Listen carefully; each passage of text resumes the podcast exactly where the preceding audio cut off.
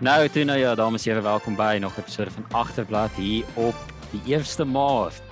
En vandag se episode praat ons oor die voorafgaande week van sport, alles wat gebeur het van die UFC wedstryde waar Suid-Afrikaanse spanne na Europa getoer het, die ses nasies waar Frankryk aanhou domineer, die Proteas wat gelyk op gespeel het of hulle reeks gelyk op gespeel het in Nieu-Seeland in Nieu-Seeland met 'n goeie wen in die tweede toets en nog vele meer met 'n spesiale segment waar ons al die F1 covers se liveries vir die seisoen ons punt uit 10 gaan gee, die agterblad seal of approval. Nou, voordat ons daarby uitkom, welkom ek graag Charles Extien, Fransjo van Self, wat sal my is natuurlik die belangrikste vraag. Wanneer hoe was julle naweek gewees? Ja, ek het ek sien nogal 'n ek het 'n besige naweek gehad, bietjie op en af gewees, maar ek het nog steeds bietjie sport deurgewerk. So ek het goed opgevang en alles, ek het vir al die Six Nations dopgehou en gewag vir al van my om hulle kar vry te stel. Maar uh, behalwe vir dit, nee, wat rustig, dankie Andre. Fransjo? Ja, is maar heel goed eintlik aan my kant ook gewees. Ehm um, eintlik 'n heel rustige naweek gehad wat baie goed was. Ehm um, nie te veel aan sport gefokus nie, behalwe natuurlik Sondag hier al vir my 'n lunch gekyk. En uh, ja, buiten dit eintlik maar net die countdown begin vir die eerste wedren van hierdie maand wat op pad is en Drive to Survive wat op pad is. So opwindende ja. nuus all over. Ja, nee, wel vir so laasweek se begin so half en half momentum optel. Ehm um, natuurlik klop ander goed wat daar gebeur wat ons raak, maar ja, ek dink uh, ons is stadig maar seker wees om momentum op te tel en na uh, al die prima kompetisies wat by 'n goeie punt kom. Ehm um, so kom ons begin by ses nasies internasionale rugby eerste. Groot vraag in die naweek gewees of Frankryk aanhou gaan wel gaan aanhou met hulle momentum teen 'n Skotland span wat beweeg terug by ons het na te leefstellende verloor teen Wales, Skotland se beste span van 'n generasie, so was dit genoem voor die toernooi begin het. En Frankryk het skoonskip met hulle gemaak 36-17 teen die Skotte, waar in die wedstryd nadat Engeland vir Wales geklop het, na Wales teruggekom het van 17-0 agter, Engeland nog steeds die wedstryd 23-19 gewen en wel wat dan uit te sê is vir Ierland Italië wedstryd weet man nou nie. Shaw, wat het jy gemaak van die naweek se ses nasies? Wat het vir jou uitgestaan? Ag, ek het ek het hier 'n hele 'n lys goed wat vir my uitgestaan het, 'n klomp punte wat ek aan mekaar geslaan het oor die afgelope naweek se wedstryd en ek ek wil graag begin by ehm um, Engeland Wales 23-19. Ek dink nie die telling was regtig 'n verspilling van die wedstryd nie. Wales wat laat, a little too a little too little a little too late in my opinie. Hmm. Die groot goed wat uitgestaan het vir my was hoeveel beter Engeland se pak geraak het. Eerstens, dit voel vir my veral hulle los trio. Dit voel vir my as Engeland met 'n tradisionele ag speel, is hulle soveel beter. Ek weet nie hoekom hulle dit nog nie vroeër begin implementeer het nie, veral laas jaar nie. En ook verder die workrate van uh, hulle slotte. Ek dink Mario Itoje het in een ses nasies ses nasie wedstryd meer raks getref as wat ek my hele hoërskoolloopbaan gedoen het. Hy was gewoon om te hoorskry. Ja, nee, ek dit so ek weet nie regtig hoe hy nie man of the match was nie. Marcus Smith het baie goed gespeel, maar Itoje was immens geweest. En dan aan Wallace se kant, ek dink hulle mis 'n bietjie leierskap is nie regtig die regte woord nie, meer leiding. 'n kritiese persoon op die veld.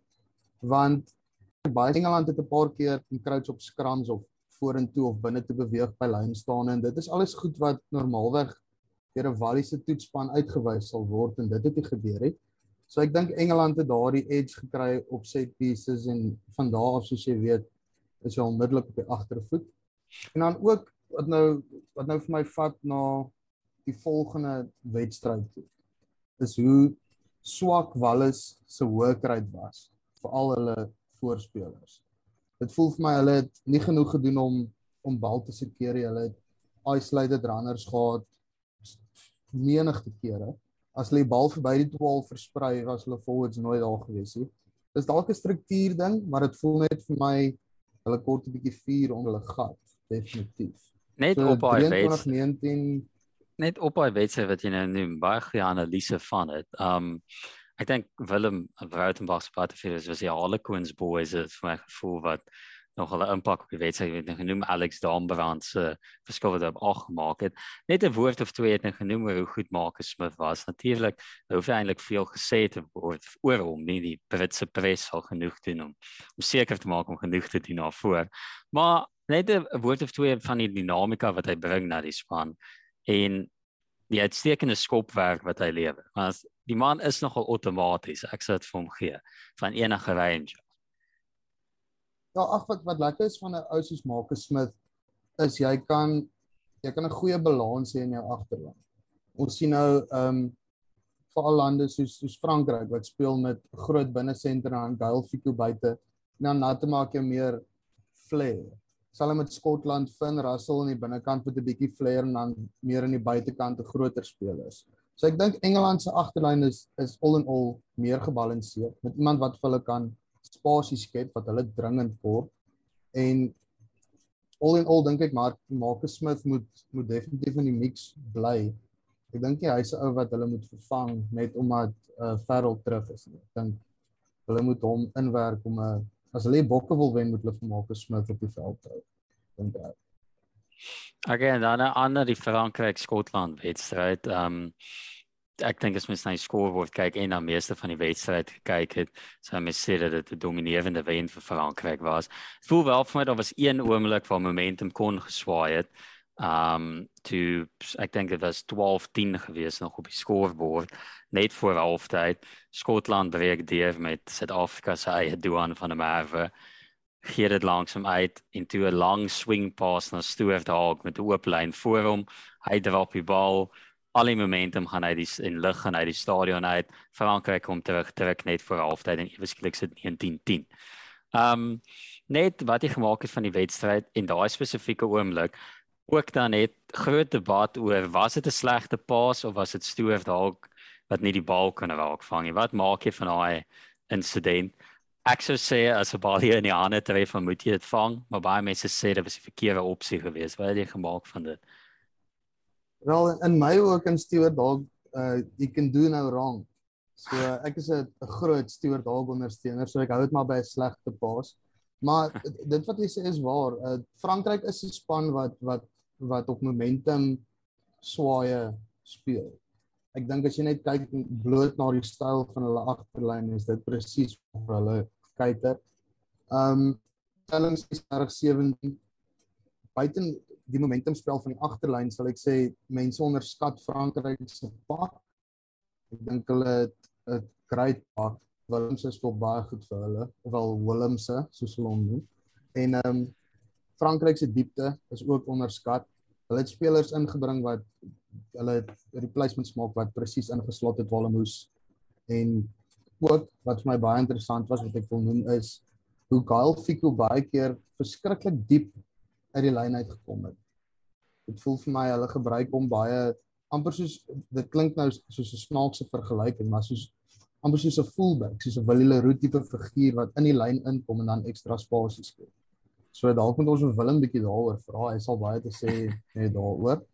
Maar dan my vorige punt van hoe hoe swak Walle se hoëkruid was. Daar's 'n video van van daai toe Dupont deurgebreek het. Toe hy so ek dink om trein die hele span getrap het en ja. drie manne gehandle het langs die kantlyn afhardloop het voor hy die tweede laaste paas voor is 'n 3 gegee het. Daar's 'n video wat wat hulle soos 'n sirkel onder Finn Russell se voete plaas. Hmm. En ehm um, dit wys net Frankryk het omtrent al 'n hele paar meter binne die 22. Finn Russell is skaars by die halflyn gedraf. Ek dink dis die sentiment van die span op die oomblik. Dit voel vir my amper asof half Skotland onfiks is. Maar dit bygesê, Frankryk speel teen so pace dat jy moet jou ouens reg hê om om om teen dit te werk. So all in all dink ek Skotland Frankryk slegte match-up vir vir Skotland. Um Frankryk se execution was great geweest en hulle het voor en na halftyd gedruk en dis op die einde wat die wedstryd geswaai het. Net 'n woord op Damian Pinot 2-3 um albei uitstekend gewees um vir al die laaste crosskick van Intermark of dit was omtrent so goed soos wat hy het kan plaas. Net 'n woord op hom Frankryk se twee vleuels die impak wat hulle maak nie net op die attacking wyse maar so dit uh was nou twee weke terug gesels oor iemand soos Villiers se impak op defense ook. Um net die impak wat hulle op die span het wat jy gemaak het van sy performance in die wedstryd. Ag ek, ek, ek gaan nie spesifiek oor Penhout praat maar ek voel vir my hulle hele agterste 3 dit dit hulle haal 'n hele faset van die spel weg. Ek voel vir my hulle is so goed op die teenaanval en die losbal dat enige span wat wat probeer territory bou teen hulle gaan sukkel. Veral as Dupont ook nog terugval. So die die dis meer vir my nie net noodwendig Penhou of, of een van die agter agterste 3 agterste 3 se se spel individueel nie, maar hulle inskakel by by die agterlyn by die by, jou centers veral Gail Fiku en dan natuurlik nou te maak wat die stips wat die ship steur in 'n pinpoint skop vir Penhou deurgesit het. Hy het een stride gebreek. Dit was 'n pragtige 3. So van net as jy drie sulke ouens agter het, dan dink ek jy haal basies 'n kwart van die veld in in 'n sin as jy verstaan wat ek bedoel. So dis dis dis goed om te sien dat Frankryk 'n slag weer goeie vleuels het want hulle het 'n bietjie maar gesukkel op vleuel die afgelope tyd. Ja kyk, dis nog, hulle het 36 punte aangeteken en Chamina het eintlik 'n afdag op die tee gehad. So dit kon nog veel erger gewees het. Ehm um, wil ons ooit praat oor die Ierland Italië wedstryd? Nou daai wedstryd is redelik vroeg gewees. Italië het omtrent die hele wedstryd met 13 manne gespeel ek weet nie wat maak mense regtig daarvan nie. Dit maar net veroorsaak dat dit tussen drie spanne is vir die TV nou, Ierland, Engeland en Frankryk. Ons sin of twee oor daai wedstryd. Um ek dink dit was redelik vroeg al afgeskryf. Dit voel net vir my as jy vir Italië rugby speel en jy jy hoop hulle om in die Six Nations te bly, kan jy nie goed doen wat veroorsaak dat jy 13 man op die veld is. Dit voel vir my dit gebeur maar heeltyd met Italië. So hulle is maar die unlucky. Hulle kry maar die unlucky kant daarvan. Hulle flaaf is baie goed. Uh, ek dink sy naam is Garbisi. Hy speel great Paolo Garbisi. Hy is uitstekende fly off en hulle sewe flank, uh, ek dink is Lamato. Ek weet nie hoe om sy naam uit te spreek. Hulle het verskriklike duur name. maar ehm um, behalwe vir vir, vir daai twee is daar nie regtig veel wat wat klop in daai span nie. En dit is jammer te want ek wil sien hoe Italië goed speel. Ek dink is my inpel het nou vir my gesê dit is nou eendag 3000 dae gewees vanaf hulle laaste Six Nations wedstryd gewen het. So dit is nogal 'n bietjie wild. Ja, dit is bietjie behoeft. Ehm um, ja, so volgende week gaan ons nou sien is Wallis teen Frankryk in Wallis dink meeste mense se verwag met die toestand wat balle staan so onder is dat Frankryk dit sal vat.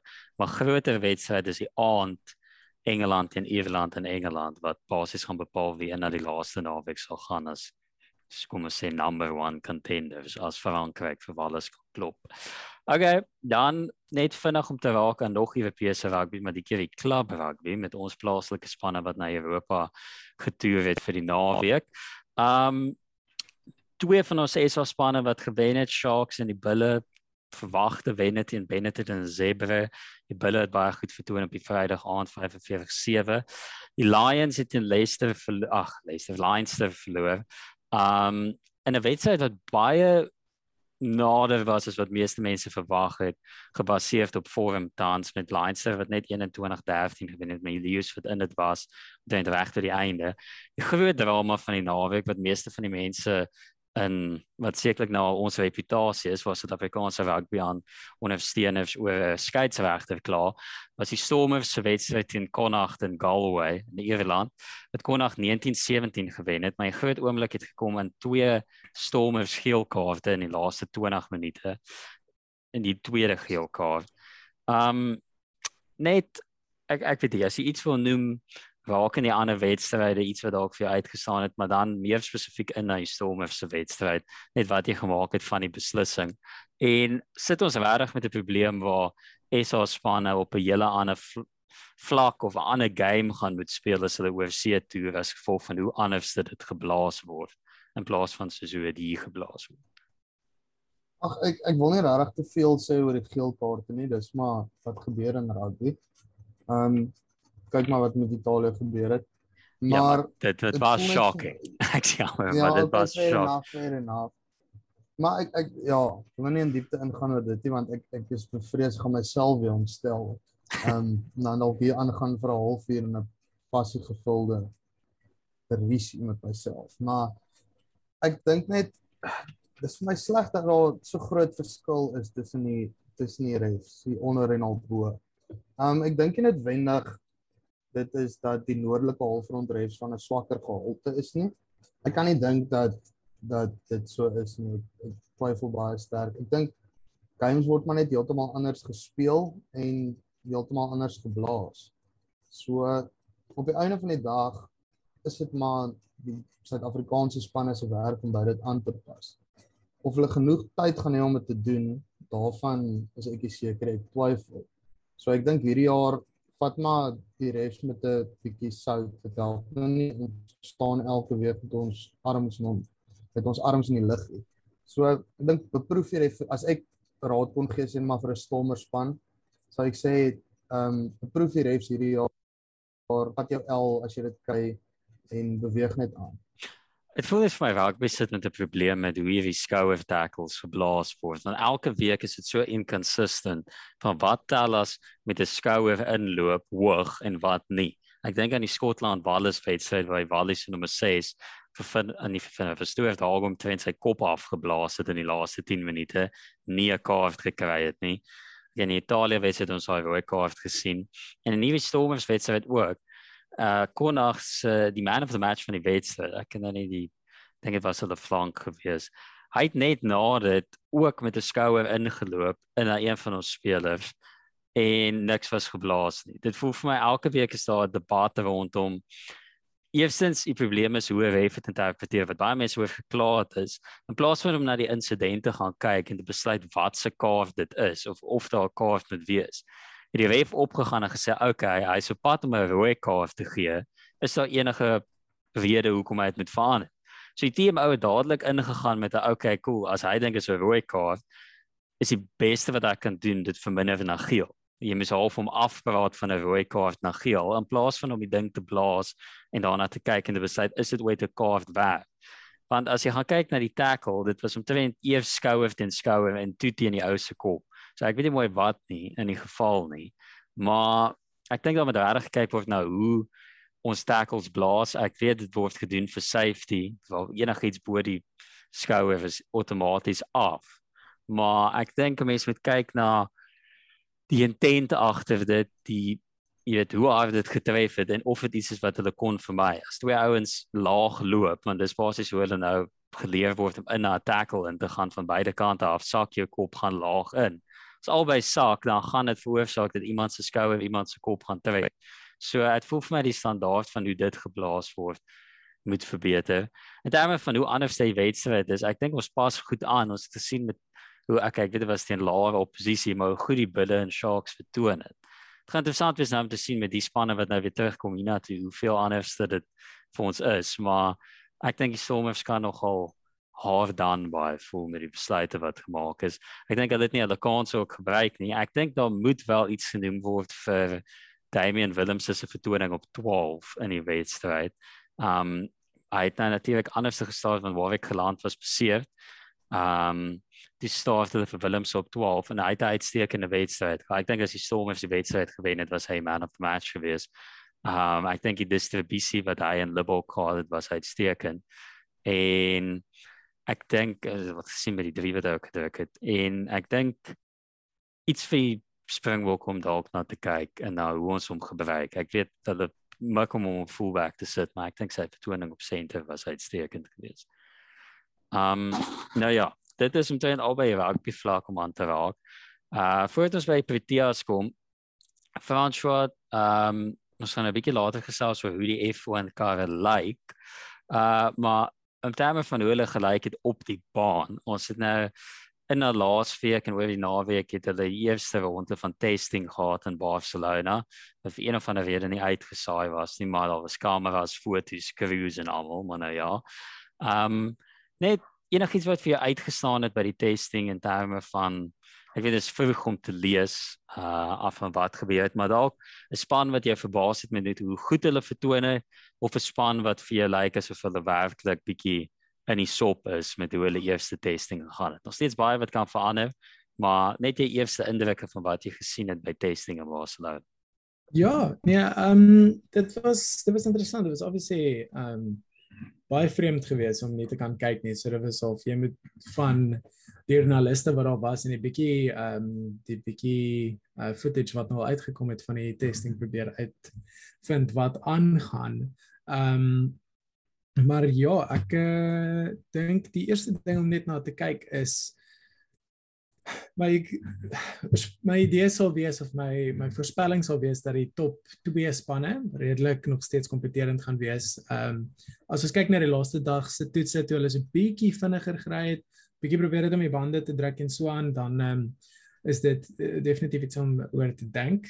Uh ek dink die belangrikste ander ding wat ons gehoor het ehm um, oor hierdie naweek is dan ook die feit dat ehm um, al twee die hoof ehm um, kompeteerders aan die voorkant van die veld sowel as baie van die ander mense op die veld dink dat Ferrari regtig iemand is om vooruit te kyk. Nou weet ek kan sien hoe gaan jy nou begin glimlag hier saai en ry.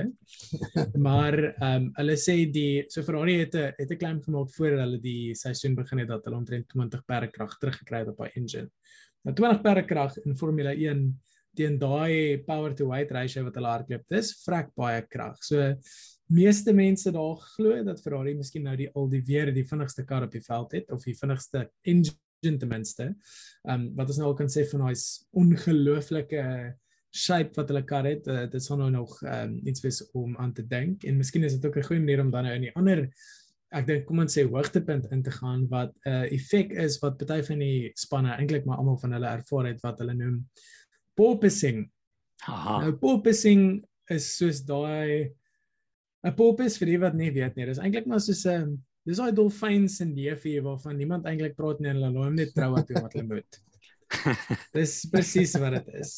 Dis 'n snaakse vreemde ding. Ja, dis maar so 'n robberige dolfynerige ding. Maar 'n uh, Porpoise swem baie mooi.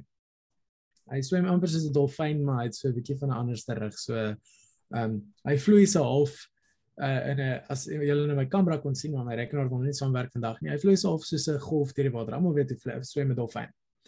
En wat gebeur met party van hierdie karre en die manier hoe die um hoe die aerodynamics werk is dat hulle um hulle kry 'n soort van dieselfde effek waar die kar swem amper deur die lug as ons sekere omstandighede is. Nou dit gebeur veral op hoë spoed en as hy as die kar so bietjie onstabiliteit kry onder die onder die vloer waar al die uh, die downforce hierdie jaar vandaan kom.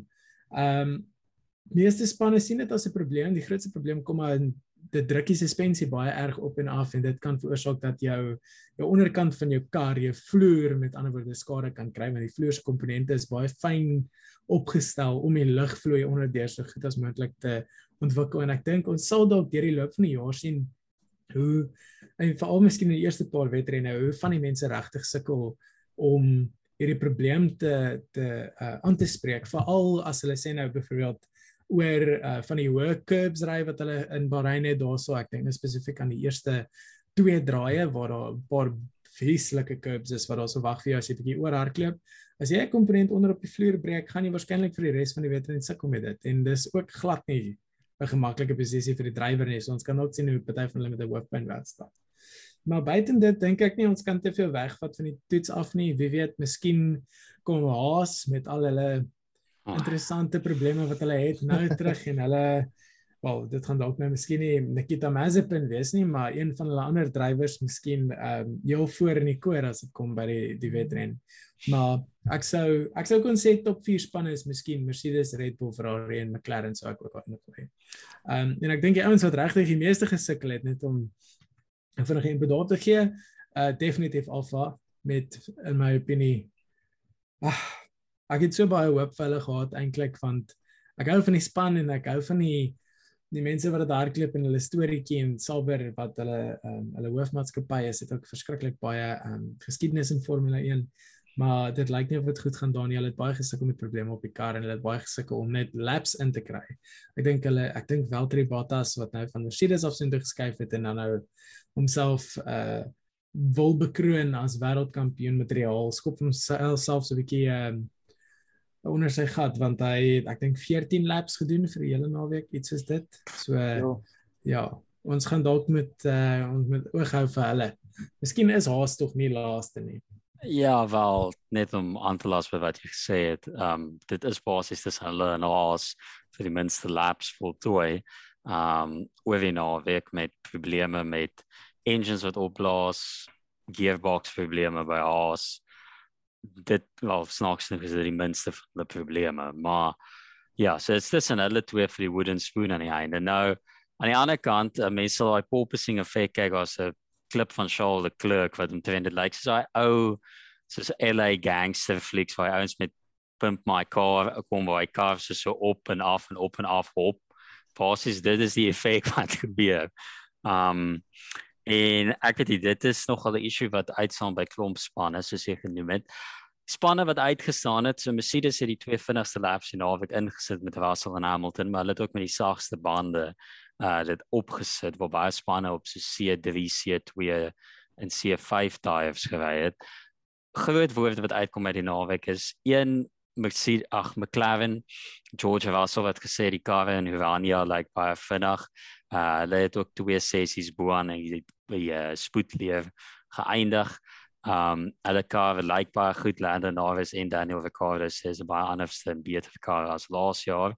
Alhoewel hulle probeer dit bietjie ander kat met Norris wat sê hy wens eintlik hulle het nie eerste geëindig in daai sessies nie omdat dit hulle onder baie druk plaas. So hulle is quietly confident en dan natuurlik die rooi gevaar, die rooi masjien, nie daai nie, maar Ferrari lyk uitstekend op die baan. Um meeste van die mense sê die engine gains wat gemaak is, ek lees vroeër 'n berig uit Duitsland se top motorsport um magazine Amus wat sê soos jy gesê het hoe horsepower hulle gegain het en hoe beïndruk mense is en ek lees ook Helmut Marko in 'n onderhoud Red Bull se hoofadviseur wat ook gesê het dit lyk vir hom asof dit tussen Red Bull, Mercedes en Ferrari gaan wees met Ferrari wat die beste engine het. So alles kom by mekaar, die hype train kom aan en uh ons sal verder waar kan F1 wanneer ons nou net die deliveries gaan. Dan vandag oor na die cricket in Nieu-Seeland het Suid-Afrika seker gemaak om hulle 100% undefeated rekord teen Nieu-Seeland in toetsweek se te bou deur die tweede toets te wen met 198 lopies. So dis die wêreld te verbaas veral na die eerste toets se vertoning en die week 1-1 gelyk op te speel. Nou vir eerste keer in 'n maande het die Proteas 'n skoor bo 300 gekry. Toe besluit hulle dit was so lekker, kom ons doen dit sommer nog 'n keer. Toe declare hulle in die tweede innings op 354 vreemd om dit declare by Suid-Afrikaanse toetsinnings te sien die laaste week. Um drie Suid-Afrikaners het honderde gekry, Sarel RW Karl Verreine en Colin de Grando. So dit was 'n goeie toets vir Suid-Afrikaners gewees.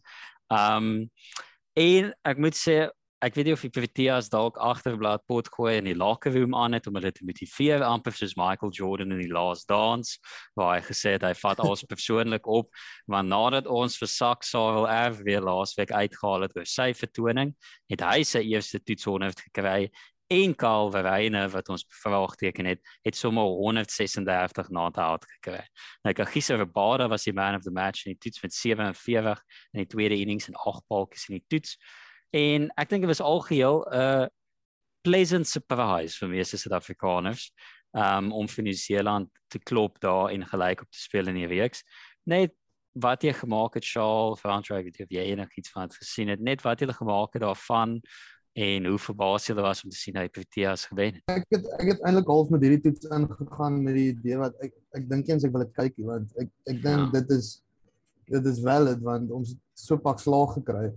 Maar ehm um, nog steeds hoe snaaks soos wat dit klink, ek is nog steeds so oortuig dit. Voel vir my ons kort een of ander wonderwerk innings van iemand af om naaste by 'n toetswedstryd te wen. Ons is gelukkig dat ons hierdie keer twee gehad het met Sak Sarel en Kyle. Maar ek dink nie, nie om iets weg te vat van hulle gekolf het. Ek dink ehm um, ons het goed vertoon met die kolf en natuurlik ons weet balwerk is ons sterkpunt. Uh ek is bly om te sien Kagiso Rabada is weer besig om te lyk like soos sy ou self. Dit is vir my die grootste wins wat ek kan vat uit hierdie toetsreeks uit. Um dit voel net vir my ek dink Verreine en en RW is nie spelers waarop die Proteas gaan staat maak oor die volgende 2 jaar nie. So dis half 'n bietjie van 'n 'n mirage dat hulle elkeen 100 gekry het. Um, so ek dink dit sê veel nie. Ek dink dit sê dalk net twee ouens wat net goed gekolf het en dit het gelei na wen. Waaroor ek baie bly is, maar ek gaan dit nie te ernstig opvat. Ja, ek dink is ek dink Karl Verreine kan hom sê dat daar 'n langtermynplan is om hom daar te hou. Hmm. Quentin wat ja. geloop het en hy's half gekies van die begin af om in te kom. So dit sal ek vir hom gee. En alhoewel ek nog steeds verwagtinge het oor die tegniek wat hy het, mens kan nie teen die resultaat gaan nie. Ons het geduld getoon met hom en hy het 'n resultaat gelewer. So ek sal vir hom die krediet gee. Sou wel erwe, ek weet ons nou hierdie Markham skuif probeer. Al ding by hom is omdat hy 'n redelike ouer speler is, wonderwerk net hoe lank hy daar gaan wees, maar ons het al gesien in toetskriket of in cricket in die algemeen. Um die ding is ouer spelers veral by Proteas, ek dink jy moet al vir 30 tref om eers jou kans te kry. Ons het gesien met die rasie van 'n Dyson Work. En ag ek weet jy, ek dink vir hierdie geleentheid kan ek terugsit en dink jy weet wat gee dit vier ouens wat hulle toe ken, hulle het iets bewys in moeilike omstandighede en ek dink die hoofding back uit dit uitneem soos jy sê is dat Kagiso Rabada nou twee weke in 'n ry van die India week tot hierheen weer daai vorm vind waar hy definitiewe wedstryd wenner vir Proteas is.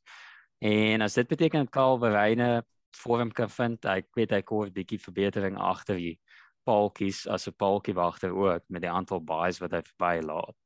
Um as hy met die kolf kan swaai dan is dit daar. En ek weet die Sava LV is al 32 is hy langtermyn oplossing op opener dalk nie dalk is dit agterblad ondersteunende Ryan Wickleton wat daar met inkom maar Mens kan nie teen die resultate gaan nie. Hulle het nou basies vir hulle 5 toetse gewen na hierdie een om na daai een innings om in die span te bly. So baie goed vir hulle en baie goed vir Proteas en Mark Boucher se span. Nou kom ons aan by die segment wat ons spesiaal vir hierdie episode in plek het vir ons as ons al ons sekerlik ons designer bewille gaan aansit, ons car design agterblad se eie pimp my ride waar ons die F1 liveries vir die jaar uit 10 uit gaan ry. Probeer ons swakste na die beste rank en dis vir almal inlig wat die beste kar is om na te kyk hierdie seisoen, alhoewel hulle nie dalk die beste resultate gaan nie. So Francois, jy gaan nou, dit is nou waar jy kan video's van dit vind, visuele materiaal op al ons sosiale media, Instagram, TikTok ensovoorts. Um en op ons YouTube bladsy sal dit ook verskyn. En ja, Francois het nou hier vir ons die mooi prentjies op wat hy in 'n folder vir ons georganiseer het. So Frans, gaan jy die eerste kantender aan ons uh, bekendstel? Dames en here, welkom by die toekoms. Eerstens van tegnologie. Uh want dit is die eerste keer wat ek dit kon regkry dat ek eintlik my skerm kan deel met julle. En uh nommer 2 is vir al hierdie fantastiese karre wat ons nou die eer gehad het van sien in die nuwe era van Formule 1. Nou ehm um, as julle nou op julle skerms kyk en ek sal aanbeveel dat julle doen. Die eerste kar wat ons kyk is die Williams FW44. Hulle eerste poging tot 'n nuwe generasie van karre wat miskien dalk nie net laaste en tweede laaste gaan opeindig nie. So manne, uh, eerste indruk, wat dink julle van hierdie kar? Wat sê dit vir julle? Ehm um, ja, ek dink ons gaan met flash indruk op elke kar en ek kry ons maar average tussen die drie vir 'n pin. Uh eerste ding wat vir my uitstaan is ek dink Williams het laas jaar Alpine se livery gesien en gesê weet wat ek soek ook een van daai en dit was hulle beplanning op die kar gewees voel dit vir my. Um dit voel vir my baie soos Alpine se. Dis die eerste indruk wat my getref. Ek dink ek dink dis 'n beauty. Ek dink die die patroon wat hulle agter het op die engine cover is dis iets nuut, maar is goed gedoen. Um en die dis net vir my snaaks die V op die neus. Dit lyk nou beter met die nommer by, maar toe ek dit net so gekyk het, dit lyk dit vir my so baie nie. Ek hou van die van die rooi onder op die vlerk. Ek dink ek dink Williams het goed gedoen. So daarom gee ek vir my chong daar by Williams 'n sterk 6.5. 6.5 na al daai. 6.5. 6.5. Ek dink dit ek dink 6.5 dit kan net beter of swakker gaan van daar af. Ek dink dit kyk 5 is is is klaar as ek 5 gesê het het jy nou weer 'n backflip gegooi en ry.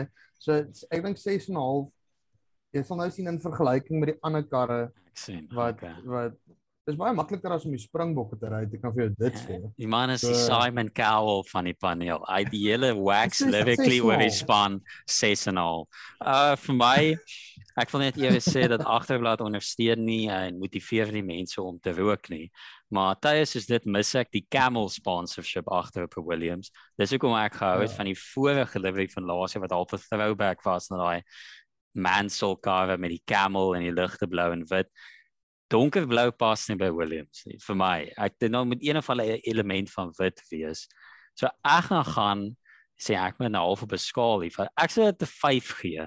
Want ek dink nie dit pas by Williams nie, maar dit Hmm. is 'n goeie livery. So uh, vir wat dit is, maar vir my pas dit nie by Williams. So ek sou 'n 5 gee. François? Ja, kyk ek uh, so ek werk ek werk in die in die corporate wêreld en ek kry baie te doen met uh die kom ons sê corporate ontwerpstaal en so aan en ek hierdie kar lyk of hy nou net van 'n finansiële staat afgeklim het in terme van daai tipiese letterhead wat jy kry as iemand versekerings aan jou probeer verkoop. Ehm um, dit is ek, as mens nou regtig pedantic wil wees dan sou ek nie saamstem met jou nie Hendrey. Ek dink die blou is baie anders as die Alpine. Ek dink die ontwerp oor die algemeen al verskil of al al wat dieselfde is is die algemene kleur familie. Ehm um, so gaan kyk maar na die kleurwieltjie. Uh, hierdie is 'n dit is 'n mooi kleur vir my. Dit is 'n baie lekker mooi diep kleur veral in die son. Ehm um, skyn dit mooi deur. Ek dink dit mag dalk bietjie donker wees in party uh, op party bane as as die son nou nie heeltemal uit is nie en kom ons sê 'n bietjie donker dan gaan hy dalk soos die Aston Martin van laas jaar so 'n bietjie swart lyk.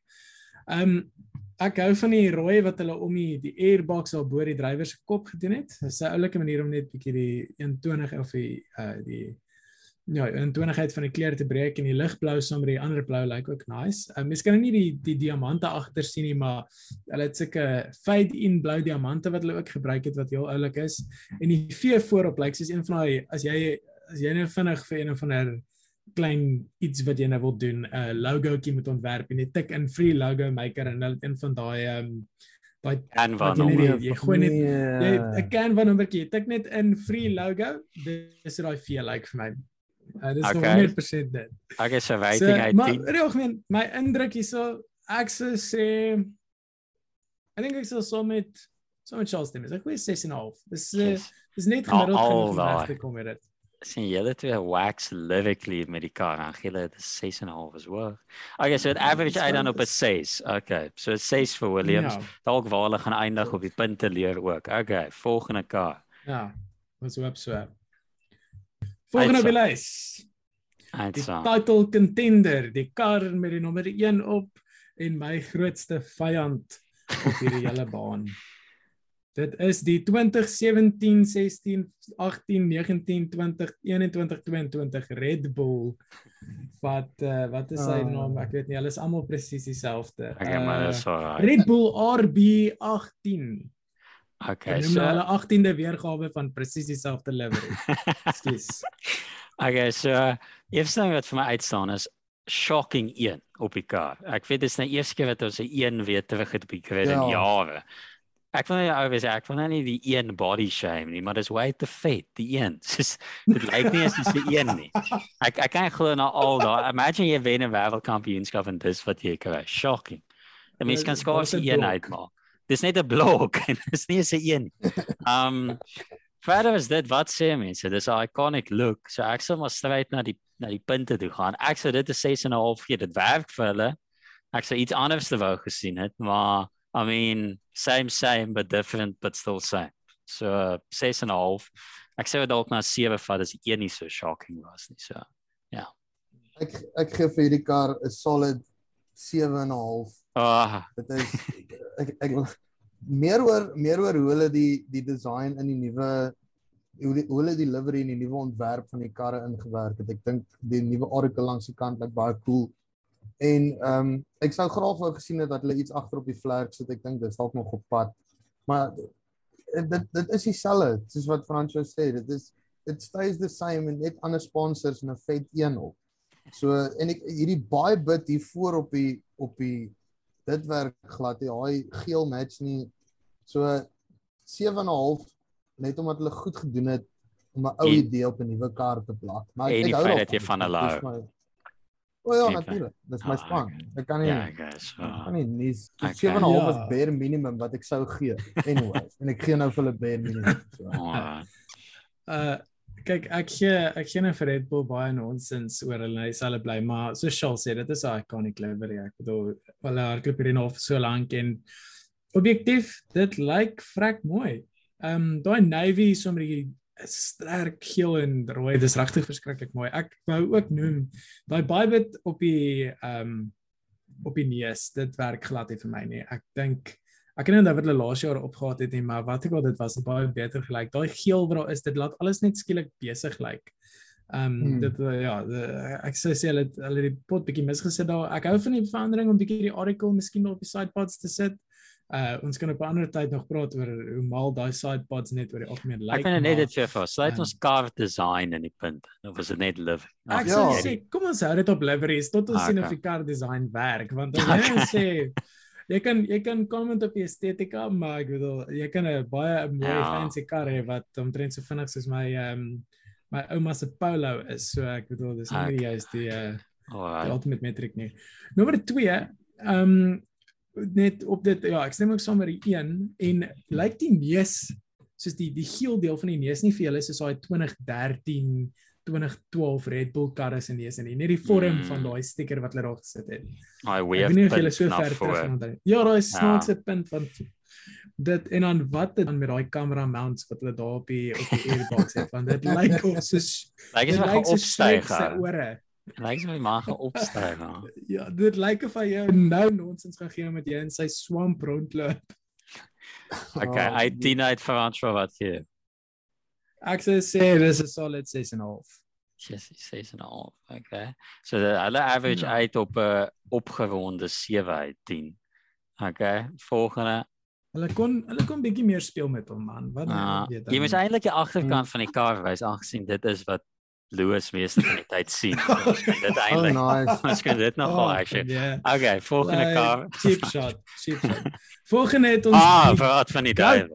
van Formule 1 se kar die absolute titelwenner vir 2022 by verre sonder om eers te kyk na hoe hy lyk die beste kar op die grid hopelik asseblief ehm um, dis die Mercedes W13 Yes. So 13 Maar net double. like is- a- is- Nee, ou hierdie kar is die ou is kleurblind wat die kar werk het nou. Ek die rooi die rooi het, het gaan die rooi res van die seisoen al bly want dit lyk Ja. shocking. Dit is Wow. flippend ja. lelik vir my. Ja. En maar en ook ek moet sê daai die die Mercedes driehoekies op die op die engine cover dit lyk ook nou nie hy's vir my so goed gedoen nie. Ek dink Williams se driehoeke is baie beter as Mercedes se driehoeke in hierdie geval. So uh uh dis hulle het wel die silwer 100% gekry. Dit lyk Hmm. dis 'n stunning kleur. Yes, dit lyk amazing. So uh, uh ek sou sê o en die rims as ek die rims inreken, uh 7.5 sel as die Red Bull. Wow. Dink ons voordele en nadele. Nou al daai. Kyk, ek het Ja, gedog ek gaan nou 'n ja. 3 op hulle drop. Oh, dit dis 'n 7 en 'n half vir Louis uh oh, net maar. Never mind. Ek wou sê iets in hy Ja, kampioenskap maar. nee. Uh kyk, ek het verwag ek gaan 'n laaf punt gee. Ek gaan eerlik wees, ek stem nie heeltemal saam met wat Jacques sê. Ek hou actually van die livery. Glo dit of nie, hou nie van die span nie, hou nie van die drivers nie. Ek hou nogal van die design. Um ek like die rooi onder die Petronas. Ek weet nie wat service dit noem, aqua. Ek weet nie wat noem is daai kleur nie, maar Die- daai ek Dis, love it. uh, turquoise. Ah, turquoise. Nee, turquoise is een van daai woorde wat nie meer vir my sin maak nie, want almal gebruik dit vir alles. As jy nie weet wat die kleur is nie, as dit net rondom blou en groen is, ja, is turquoise. So, okay, so turquoise. Ek hou van die rooi onder die wing. Ek hou van die rooi op die soos uitlaat bo die drywer.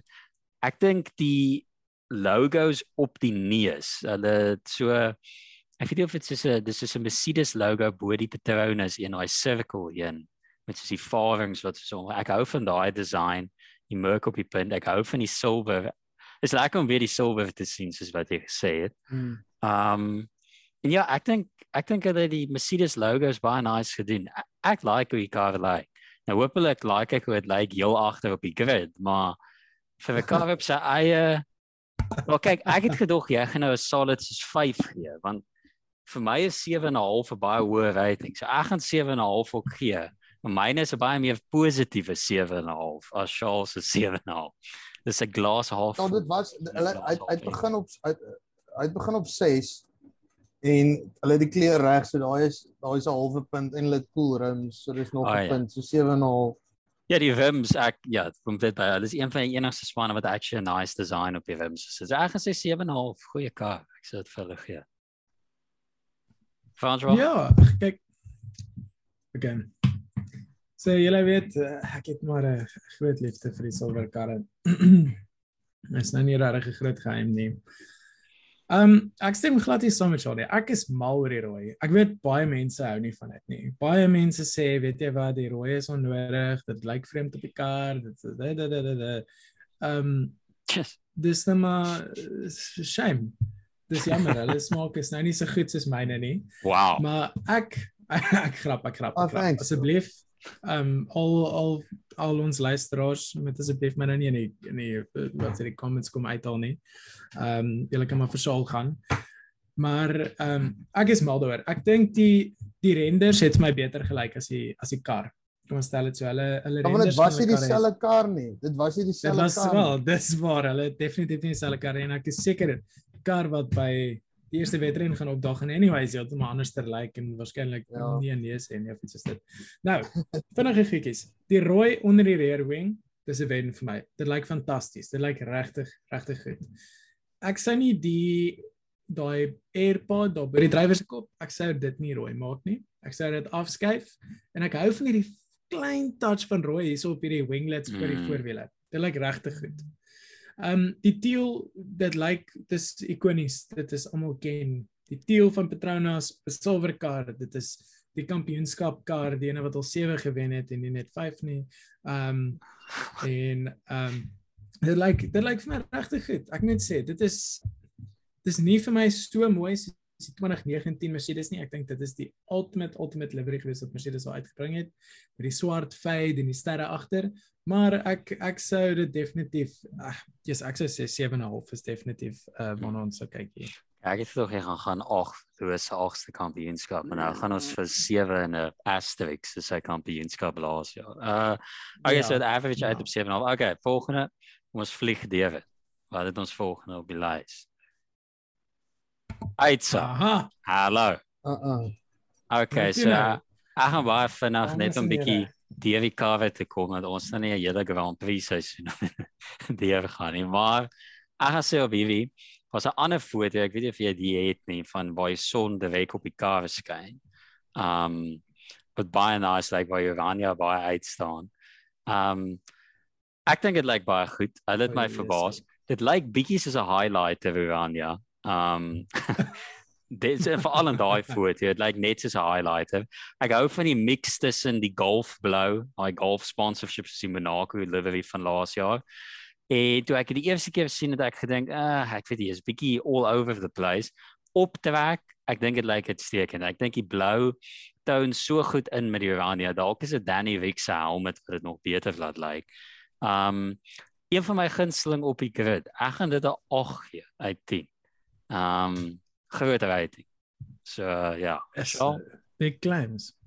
Hendra, hier gaan ek 'n groot fight hê nie, want ek ek hou glad nie van die kar nie. Ek hou glad nie van hoe Wat? hulle die net ek like nee, dis net nie vir my mooi nie. Ek hou nie van hoe hulle langs die kant van die kar die lyne gemaak het. Dit lyk net asof iets dit lyk asof hulle 'n livery design het voordat hulle geweet het hoe die die kar se aero gaan lyk en dit net al opgeplak het. Ek hou nie van die kleure wat hulle gebruik het nie. Dit dit pas nie vir my noodwendig. Ek hou meer van die van die tradisionele papaya. Dis nou maar net my eie my eie opinie.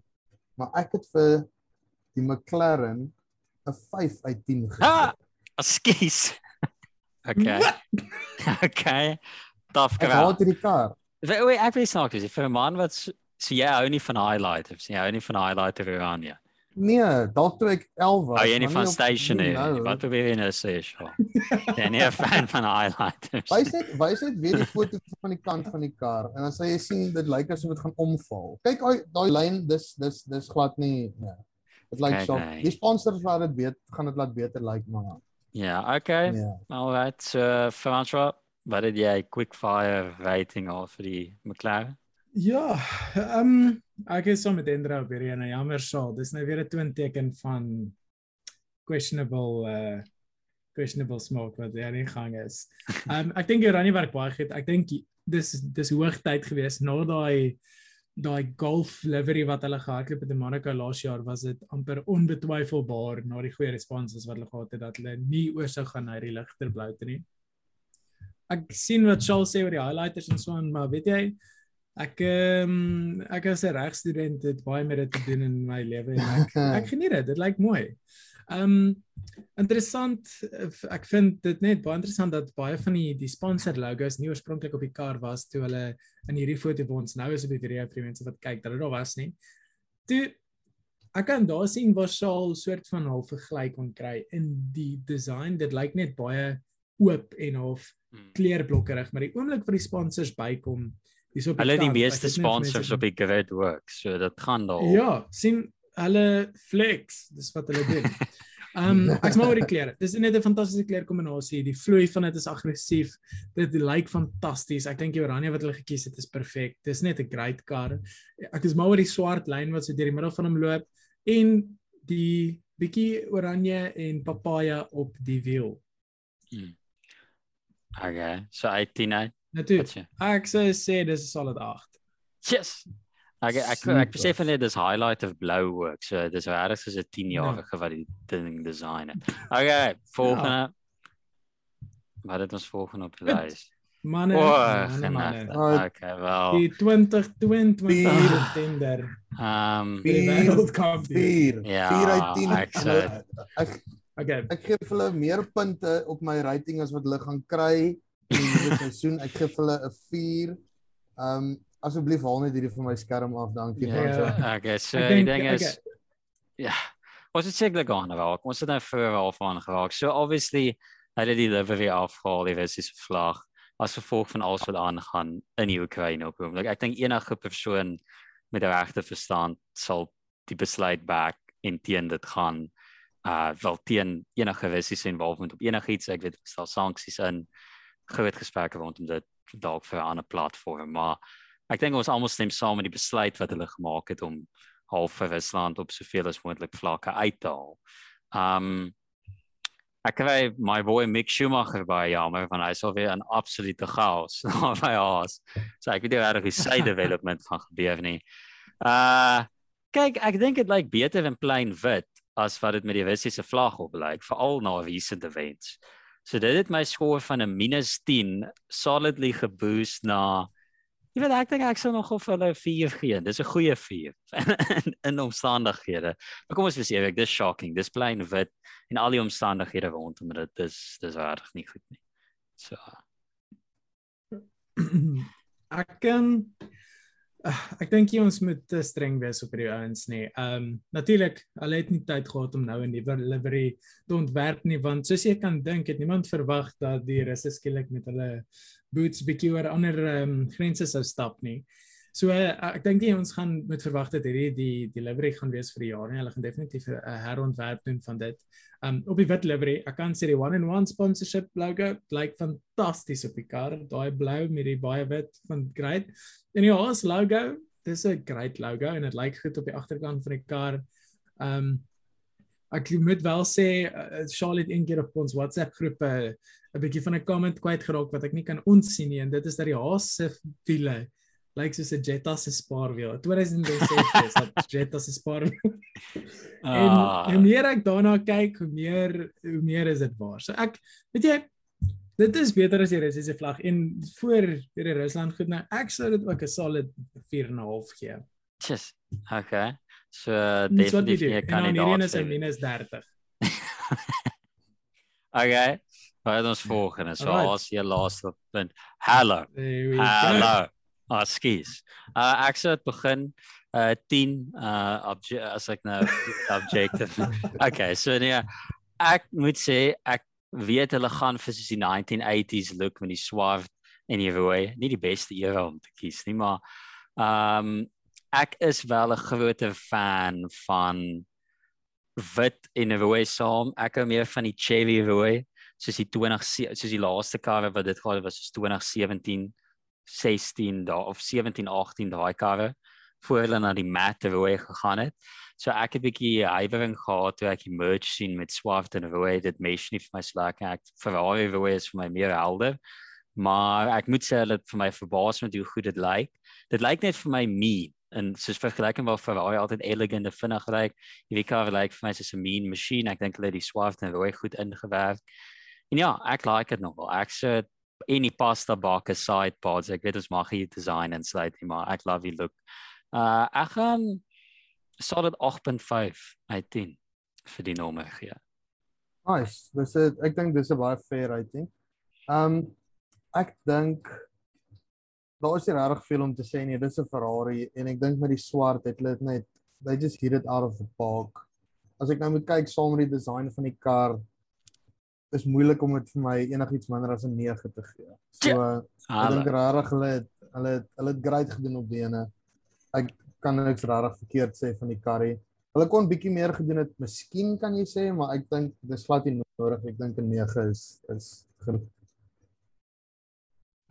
Kyk, ja, die oomblik ek het die launch live gekyk en buiten al die probleme wat hulle gehad het met die feit dat uh, een van die mees affluent Formule 1 spanne van die mees tegniese gevorderde maatskappye in die wêreld wat nie kan 'n behoorlike green screen net organise nie. Buiten dit, die oomblik wat die kar uitgekom het, het ek vir Hendrey boodskap gestuur en gesê, "Ag, Texas orde tog. Nou gaan ek nie jou back toe kan hou nie." Want dit is 'n ongelooflike mooi kar. Dit is een van my gunsteling op die grid, die swart en die rooi. Ek hou van die matte black. Ek is meer 'n fan daarvan as die cherry rooi van die vroeë 2010s. Ehm um, die bietjie swart feit daar agter, eerlik is daar eerder as daai snaakse groen agter en geen groen op die kar hierdie jaar nie. Krities. Ja. En geen mission went down nie. ja, en geen mission wen nou nie. Ja. Ehm um, ek dink net oor die algemeen, ja, fantastiese kar. Soos julle sê, dit is definitief 'n throwback na die na die ou goeters toe en net aggressief soos wat ons nog nooit vir Ferrari gesien het nie. Die enigste ding wat ek nog steeds nie verstaan van hierdie kar nie, is sy naam, die SF F175. Ehm um, elke jaar het hulle een of ander ander nuwe nommer wat hulle daar ingooi. So ek wag nog vir die SFR to D2 wat op pad is, is waarskynlik volgende jaar. maar dis regtig, hy is gorgeous. Ja, hy teen uit wat gee jou. Ah, uh, solid access in 9 skroot. Dis baie mooi. Okay, dis goed. Dis die enigste. Dit gaan so goed lyk like, agter op die grid. Ja, ek ah, ek weet dat hulle sê look who the race good the race good win good, hè. Ja, So ja, maar hulle gaan net niks uh niks um viewers kry nie. ek vraat jou wat is volgende kandidaat? Right, volgende kar is die 2022 Aston Martin Racing kandidaat. Wat dink jy manne van hom? Ehm um, kyk, ek gaan eerlik wees, daar is daar daai ander piek ook van dit op die trek waar dit so van die piek laat my nou 'n bietjie worry want ek het die ander een gesien, die. En dis ek sê wow. Okay, wel, die probleem wat ek sien hier is daai groen gaan baie donker word. So ek was nou op pad om met 'n sterk my hoogste rating tot dusver 9 uit 10 uit die blokke uit te spring. Want ek dink die verandering kyk daar's niks wat 'n delivery meer wie neer is die BWT sponsorship in die pink in dit nie. Die feit dat hulle die Aston Martin Racing lemmetjie groen in gebring het soos hulle ander classifications se karre uitstekend. Um ek gaan maar bly by 9. Ek dink dit is pretty much na my mening wel was dit die beste livery reveal tot dusver buite nog een kandidaat wat kom. Maar vir my is dit perfek vir hulle look. Dis hoe ek imagine dit Aston Martin so like. En ja, ek love it. Ek dink dit lyk regtig regtig goed. Ja. Ek ek ek is net bly hulle hulle die AMR klere teruggebring ofwel nou ingesit. Um ek dink hulle dit ek ek het al jare gedink hulle moet dit doen. Wel jare is lank wat hulle bestaan, het ek al gedink hulle moet dit doen. Um en ek dink jy kan wat sê van die groen? Ek dink hulle het dit spot aangekry hierdie keer met die geel, veral met daai geel tyres op, geel Aston Martin voor het ek vir hulle gegee my hoogste hoogste akkolade van 'n 9.5. Ja. Yes. Okay. Yes. Okay. François. Ja kyk, manne, eerstens die feit dat hulle die kleur bietjie ligter gemaak het, dit lyk fantasties. Dit lyk regtig goed. Dit is die dit is daai Aston Martin Racing Green waarvan ons hou en wat ons ken en wat ons lief is. Soos wat Hendrik sê, die BWT sponsorship van laas jaar het daai kar absoluut gereneer. Daai pink op die groen het net nie goed gelyk nie. Dit was 'n donker snaakse pink. Dit was net terrible geweest. En nou dat hulle terug is na hulle kom ons sê brand klere toe met die lemmetjie groen. Dit lyk ongelooflik mooi. Die klein touches wat hulle maak, daai lang swoop so oor die vlekkies daar agter op die fin, dit lyk net ongelooflik en ek sien so baie uit om te sien hoe hy solid in die midfield is en mm, ja. Maar ook in hierdie foto kan jy mens mooi sien nou uh Lance Daddy's Cash Strolls helmet wat ook net perfek by die kar pas. Ja. Ek dink is great. 100%. Dis 'n regtig mooi kar. Maar ja, 100%. my En die meeste is interessant. Ek gee vir hom 'n uh, solide mm 8.5. Tja. Okay, so hy is wel. vir ons voorlopende kandidaat. Okay. Nou, toe nou. Volgende volgende Right. nommer. Ah, Hallo nee. Dames en here, die 2019 Racing Point. O wag, skus, jammer. Ehm um, ja, kyk, dis die dis Alpine se se kom ons sê attempt tot Hulle het sommer twee nadat uitgewerk. hulle 100% die mooiste livery op die grid laas jaar gehad het, het hulle toe gegaan en dit mooi gaan vnuik Weg. as ons dit so kan Ja. stel. So kom ons begin. Hulle twee liveries, hierdie ene gaan nou twee re- wedrenne hardloop in die pink. Ek dink dit is veel om te sê buite net dis No. Racing Points se livery nie. no. Uh dis 'n 100% 'n 0 uit 10 uit. Uh kom ons gaan aan dan Hulle het wel Antoine, hulle het wel. Antoine Dupont daar onder op die kar as jy daar sien. Lyk amper Oh, wow. Hey, check him out. Nou Okay. Alright. Um ek sê dis Wat net die dink ons? standaard die een wat byt na die eerste Ja. twee versies. Ek ek gaan eerlik wees, hulle het beter met dit gedoen as wat ek gedink het hulle gaan. Soos die blou en pink soos voor. Sê net maar hulle het nie die agterkant en die side part geruineer nie. Dink ek as hulle net Ja. die voorkant die pink gehad het met die nommer en pink, dink ek kon dit gewerk het. Nou dit als gesê, Ja. ek sê nou hulle het beter gedoen as wat ek gedink het, maar my verwagtinge was niks. So ek gaan dit net bo Hasen sit op 'n solid 4.5 uit 10. Ja, ek Ja. ek stem 100% saam met alles wat jy gesê het. Wat ek ook net wil noem is as jy kyk na ou rally karre, Groep B rally karre, dan sponsorships is is baie keer deel van die kar. En in die mate dat dit dit maak wat die kar is, soos die Castrol Toyotas en en al daai.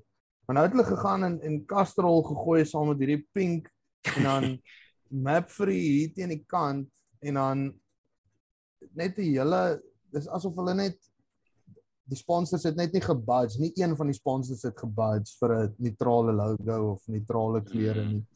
Um so dis ek gaan net dink aan 'n cash grab elke keer sien. So ek het dit Mm. as 'n 4.5 ook opgesit. Ja, jy weet net is BWT 'n watersuiweringsmaatskappy en hulle het die hele kar wel besoedel met hulle. Ontsuiwer. Ja, so dis pas nog. Gee Ja, kyk, ja, kyk, dit is dis absoluut 'n mis vir my. Ek dink dis net dis dis terrible. Dis so sleg gedoen. Ek haat die livery. Ek is so teleurgestel na verlede jaar wat hulle dit net absoluut uit die bolpak uitgeslaan het. Um vinnige ja, die pink is net veel te veel. Hulle het dit so ingeblok. Dit lyk amper asof die sponsor met 'n pen net gaan teken het. Sit dit hier en hulle het net daai lyne gebruik en hulle het gesê, "Oké, ons Photoshop dit net daarin en dan is jou kar." Um, wat ook al hier op hierdie freaking front wing aangaan, dit lyk soos ag dit lyk amper soos een van daai daai goed wat jy so opblaas wat jy by die rugby wedstryde s- gebruik wat jy so te mekaar klap. Wat die soos hulle- DHL eens. Ja, Ja. soos 'n die- soos 'n pink weergawe van dit wat voor in die kar vasgevlieg het en nou sit dit nou maar net daar. En ehm um, buiten dit dan nou die rooi op van die map vir die plus die pink. Dis terrible. Ja, ek gee dit ja. 'n- miskien 'n ek sit onder die haas ry, 'n 3 uit 10. Uitsa, dis nogal 'n sterk een hè. Ja, So is dit dis- 4.5, 4.5 en 'n 3. Yes, Dis ook So, dit pas is- glad nie by die kar nie. Okay, so ja, dit is baie goed vir al Kry nie. Okay. asseblief haal net haal net die af van my skerm of Haal net van die skerm. ja. Volgende AlphaTauri se derde weergawe van hulle kar. Wat dink jy manne van hom? Ek dink is underrated. Ek dink dis 'n stunning livery. So dis baie eenvoudig. Dis baie geblok. Um ek dink hulle het regtig goed gedoen met dit. Soos die wit en blou pas so goed by mekaar. Ek love die vloei van die wit en blou in na mekaar. Soos hulle het 'n eenvoudige livery gevat, die front wing, like kyk ons het nou nie 'n foto van die side part nie. Die side part lyk like, regtig mooi. Onder die ligte, dit het half die toets dat dit obviously omdat dit wit is, pas dit mooi onder ligte, in sonlig, wherever. En soos ek sê, is baie eenvoudig gedoen. En is baie goed gedoen. Ek ek moes dit sekerlik verwag het aangesien hulle 'n fashion brand is dat hulle livery kon regkry, maar met twee kleure, wit, donkerblou, die vloei, die look, hoe helder dit uitstaan in die son. Ek like dit. Ek gaan dit 'n solid 8 gee. Ek dink is regtig regtig goed gedoen. Sjoe. Tog al Ja, ek dink- dis is dis 'n wille ag, hè. Maar ja. Ek weet nie of julle nou die ander die ander angle kan sien van die kar op die op julle skerms nie. Ehm um, Ja. van op dieselfde ene is nie, maar dit is regtig net ongelooflik mooi gedoen. Ehm um, ek stem 100% Ja. saam. Dit is net hulle hulle het basies die, die vorige weergawe is gevat, die inverse van dit gedoen en dit lyk so goed. Daai vloei by die sidepod af lyk ongelooflik. Die logo wat hulle so 'n bietjie groter gemaak het daar in die AlphaTauri logo en dit dit is een van my gunstelinge op die op die um, op die baan by far. Ek gee dit ook 'n 8 en 'n half en ek is baie gelukkig. Yes. Alhoewel dit nie 'n 9 is nie, Jeep. is omdat dit daai blerry oranje daar in die middel van nêrens het nie wat ek dink uh, ook net maar natuurlik 'n cash grab was, maar ehm um, ja, dis regtig, dit is fantasties. Dit is so goed gedoen. My Okay. my grootste ek ek ek het gedink hierdie hierdie is bang average. Ehm um, en op 'n bang average moet ek kyk ek mooi na die kar. Toe sien ek dit lyk actually nogal smaak. Al wat my bietjie irriteer is die die front wing, die een Alpha, Alpha is dun geskryf en Tauri is so dik geskryf. So die kar lyk Ja, so half bietjie van voor af nie so cool vir my nie. Um, en ek hou ook nie van die flexbox nie, maar dit ek kan verby dit kyk. Soos teenoor die Red Bull waar ek verby daai ander besigheid op hulle front wing kan kyk nie. Maar ek het vir hulle 7.5 aanvanklik gegee. Maar Hmm. hoekom het hulle nie wit rims gedoen nie? Of net so Ja, so dit is ja, dit is 'n goeie punt. Ja. Toe trek ek vir hulle 'n solid punt af 6.5 net Ja. omdat dit gaan my frustreer elke keer wat ek die kar sien. Ja, dit is nogal 'n goeie punt. Dit is nogal 'n bus. Ek het regtig gedink hulle sou die eens wees wat die rims doen, want hulle het soos mocks Ja. gedoen van die kar met dit. Dit is waar wit rims sou dit, maar dan sou dit 'n 10 wees. Dis 'n regte go big of go home. Ja. Wel dit is fashion Ja. meets function. So uh, dalk is dit nie vir Ja, dis Maar op 'n noot, ek is eintlik ons sal nou op die op die laaste kers ons 'n bietjie meer daaroor praat, maar ek is so teleurgestel dat hulle nie meer gedoen het met Mm. die met die rims op die karre nie, want dit is hierdie soliede stuk staal of wat ook al hulle nou gebruik, carbon fiber wat net daar staan om gebruik te word en ek dink miskien Ja. twee of drie spanne het probeer om aan te werk. Een span het dit vir my mooi gedoen. Maar elk geval op daai punt, kom ons gaan dan nou na in my opinie, ek gaan dit sommer vooraf sê, die mooiste kar op die grid vir die jaar. By ver al gaan hy 100% die stadigste ene wees. Die Alfa. Romeo Oh, 2022 kar. Ja, hulle het dit gedaan. Kom ons wees nou eerlik. Dis. Kyk, ek gaan nie 'n 10 gee nie want uh, dit hoef my ek moet altyd ruimte los vir nog beter. Maar dit is so na aan 'n 10. Soos daar's ander angles van dit ook waar soos gaan doen jouself begin gaan kyk na een van voor af ook. Dit is regtig regtig goed. Soos ek weet hulle het hulle Ja. tyd gevat en hulle gaan absoluut shocking wees, maar ek gee dit 'n 9.5. So my ek Ferrari 8.5, Aston Martin 9, hierdie is 'n 9.5. Die rims perfek. By Chevy Roy, alhoewel agterbladsy altyd dupliseer vir my bietjie geween, jy weet jy het gesê dit lyk soos 'n bashu skooldrank blikkie. Um die daai rooi perfek. Dit da- daai is 'n regte Chevy rooi. Die die Ja. teks, die Alfa Romeo daar agter op die engine cover, hoe dit geskryf is beautiful. Die ligte groen merk daar, die rims, die neus. Dit is so goed soos wat jy kry. Ja. Toe bad hulle dit al hulle tyd aan die livery spandeer in plaas van om aan 'n kar te werf, maar ek gee dit 'n solid 9.5. Ja, ek ek stem saam. Ek gee dit ook 'n uh, dis vir my right up there saam met die Aston op 'n 9.5 vir my af ook.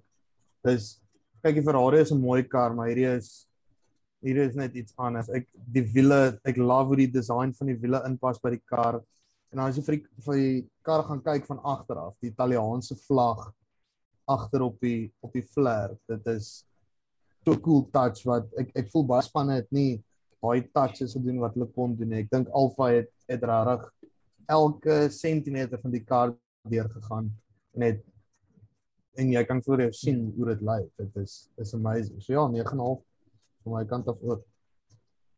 Ja, ek ek ek moet sê ek was opgewonde daarvoor want hulle het verlede jaar het hulle baie mooi livery ook uitgebring. Dit was regtig ook een van my gunstelinge. Maar toe hulle net so lank vat, toe begin ek so 'n bietjie wonder of hulle nou nonsens gaan aanjaag. En toe Ricard Sondag drop, het my mond oopgeval. Dit is by ver net dit is so anderster as enigiets anders wat aan die afgelope vrek 10, 15 jaar op die baan was. Dit is net dit is ongelooflik mooi. Um as jy kyk net die al die sponsors het hulle mooi uitgewaai. Hulle het nie gecompromise op die kar se shape vir die sponsors nie wat goed is, maar hulle gaan waarskynlik ook nou nooit weer geld hê nie. Um, die die Alfa Romeo die logo soos Hendrik gesê daai retro look, dit was wat hulle op hulle eerste karre gehardloop het wat met die hand geverf was. En dit lyk asof iemand gegaan het en dit gaan verf het. Die bietjie groen van die clover daar met die wit oor die airbox wat goed lyk. Ehm um, dis regtig mooi. En dan die, die wiele ook. Kyk hoe bloody spectacular is dit. Hoeveel nicer lyk like dit as die Jetta wiele wat hulle op die ander karre hardloop. So ja, seriously, ja. dit dit lyk soveel beter. Ehm um, en dan ja, ek ja, laastens net voor ek daar kom, kan ons net gepraat oor wat op aarde met Renesi so aangaan. Dit is vreemd. Ja, ek, so ek moet sê ek het een keer daar was 'n ou somme op skool gewees wat sy neus gebreek het in 'n fight op die cricket pitch. en dit het omtrent presies so gelyk. Lyk asof iemand dit so, ja, met 'n hamer het... geslaan het net daar wat. Ja, nee, ek ek sê iemand het geval net voor die fotoshoot en op die kar net soos jy nou Maar ehm um, nee, ek sê ek dink jy sê ek ek het lank gedink en dit is eintlik my werk om 'n uh, uh, hierdie tipe ontwerp en so te ontleed en so en ook, maar dis my 10. Ek kan nie dink hoe jy hom kan verbeter nie. Ek kan nie dink hoe jy hierdie ding kan verbeter nie. Wel was dan nou natuurlik 'n uh, eh, nommer 1 voorop was met ehm um, geliefde Antonio Giovinazzi wat die wêreldkampioenskap nou net gewen het, maar sien dat ons dit nie gaan kry nie. Dit is nou maar settle vir hierdie met een van hulle finish ou wat agter gaan ry. Maar kyk, die ding is jy kan dit verbeter vir die car te verbeter, maar dan van die look kan jy nie regtig uh, veel ja, beter. Ja, so net om die punte leef te gee is half 'n reverse grid order. Ons het Alfa Romeo eerste 9.6 uit 10. Aston Martin tweede uh, met 'n 9.2 uit 10 en dan Ferrari derde wat hopelik nie in die seisoen gaan gebeur nie met 'n 9 uit 10.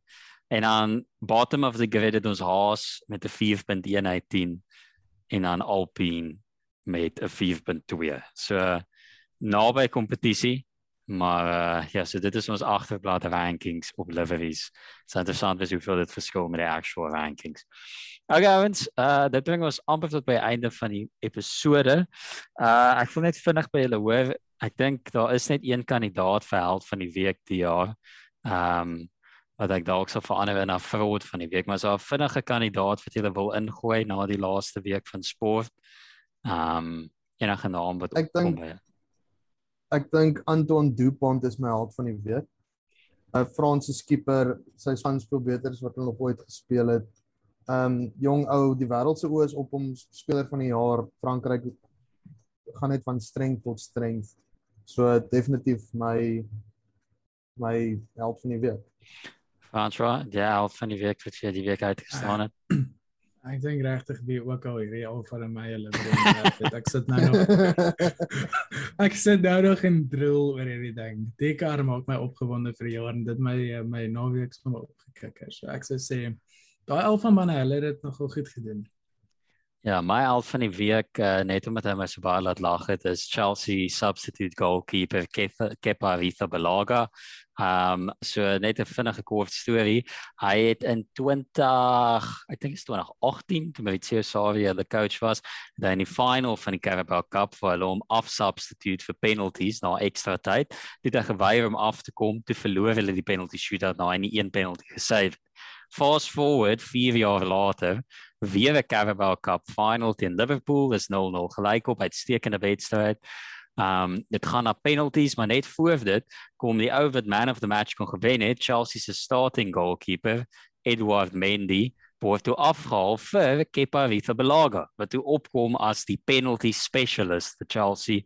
Hy gaan die wedstryd in penalties vir hulle wen. So toe het Liverpool al 11 van hulle spelers het hulle penalties gesink en toe kom Kepa Arrizabalaga en blaas die bal uit die stadion uit. Ek dink hy het vergeet dat dit nie 'n goal kick is nie. So hy het nie een penalty gesave nie alhoewel hy opgebring is net vir dit en hy het die penalty gemis wat vir die game verloor het. Dit als met 'n sokkerbal wat ek dink baie wyd hier in Kaapstad getref het. So ver as dit oor die goal skiet. So hy is my held van die week net vir hoe groot verwoord hy was die week. Mense moet dit regtig nog 'n ander vlak kry om dit te bereik. Okay, dis die eindvlakkie wat blaas. So laaste vraag wat ek aan julle het voor ons afsluit en groet is waarna moet die luisteraars uitsien in die wêreld van sport wat voor lê hierdie week? Enige iemand 'n kandidaat wat vir hulle uitstel iets waarna julle uitsien in hierdie week wat voor lê? Ag die die golf tel nou weer sterk momentum op met verskeie toernooie wat jy sal sien die groter spelers begin nou speel besig om reg te maak vir vir die reeks majors wat hulle nou wat hulle nou afwag. So dis lekker vir my om weer goeie golf op die TV te sien. En uh behalwe vir dit, ses nasies rugby is dit dit dit's elke week sover baie goed. So ek sien uit om om dit weer te kyk wanneer wanneer dit weer op is. Ek dink ehm um, eerstens net op jou vorige stelling sal ek dink is onmoontlik vir golf om momentum op te tel. Ehm Dis is stap by bietjie vinniger na die volgende bal toe. Ek ek weet nie. Okay, okay. okay. Ek grap, okay, ja ja, skus. Ehm um, ek weet nie die grootste ding wat ons kan uitsien sien dat die Six Nations is is dat ek miskien besluit om hierdie week my comeback te maak en weer daai eierbalsport te begin kyk. Ehm um, nadat ek nog steeds eintlik net te bang is om teleurgestel te word na die 2019 Wêreldbeker waar die Bokke gewen het. Dankie 2030 12. Dankie Rassie, dankie Morney Stein. Ek dink jy het gespeel dit nie maar nog steeds. Ehm um, maar so dit is 'n exciting Dis exciting um eintlik 'n baie opwindende tyd en um julle kan ons social media gerus dophou. Ek sal julle definitief laat weet indien ek wel doen, maar moet ook nie jou hoop ophou nie. Um ja, ek dink ons baie net sien ses nasies Ierland en Engeland iets van ek het sien die Fury Dylan White build up en nou die heavyweight flashback op. So baie om na te kyk en baie om na te luister hier op agterblad. Ons selfs weer met julle volgende week. Julle kan ons vind op al ons sosiale media blaaie, Facebook, Twitter, Instagram, TikTok, YouTube. Tik maar net agterblad en jy sal ons vind. Maak seker om die visuele materiaal van ons Liberty Writing te gaan kyk op YouTube, Instagram, TikTok. Ja, dis dan alles van ons kant. Tot volgende keer. Tot ziens.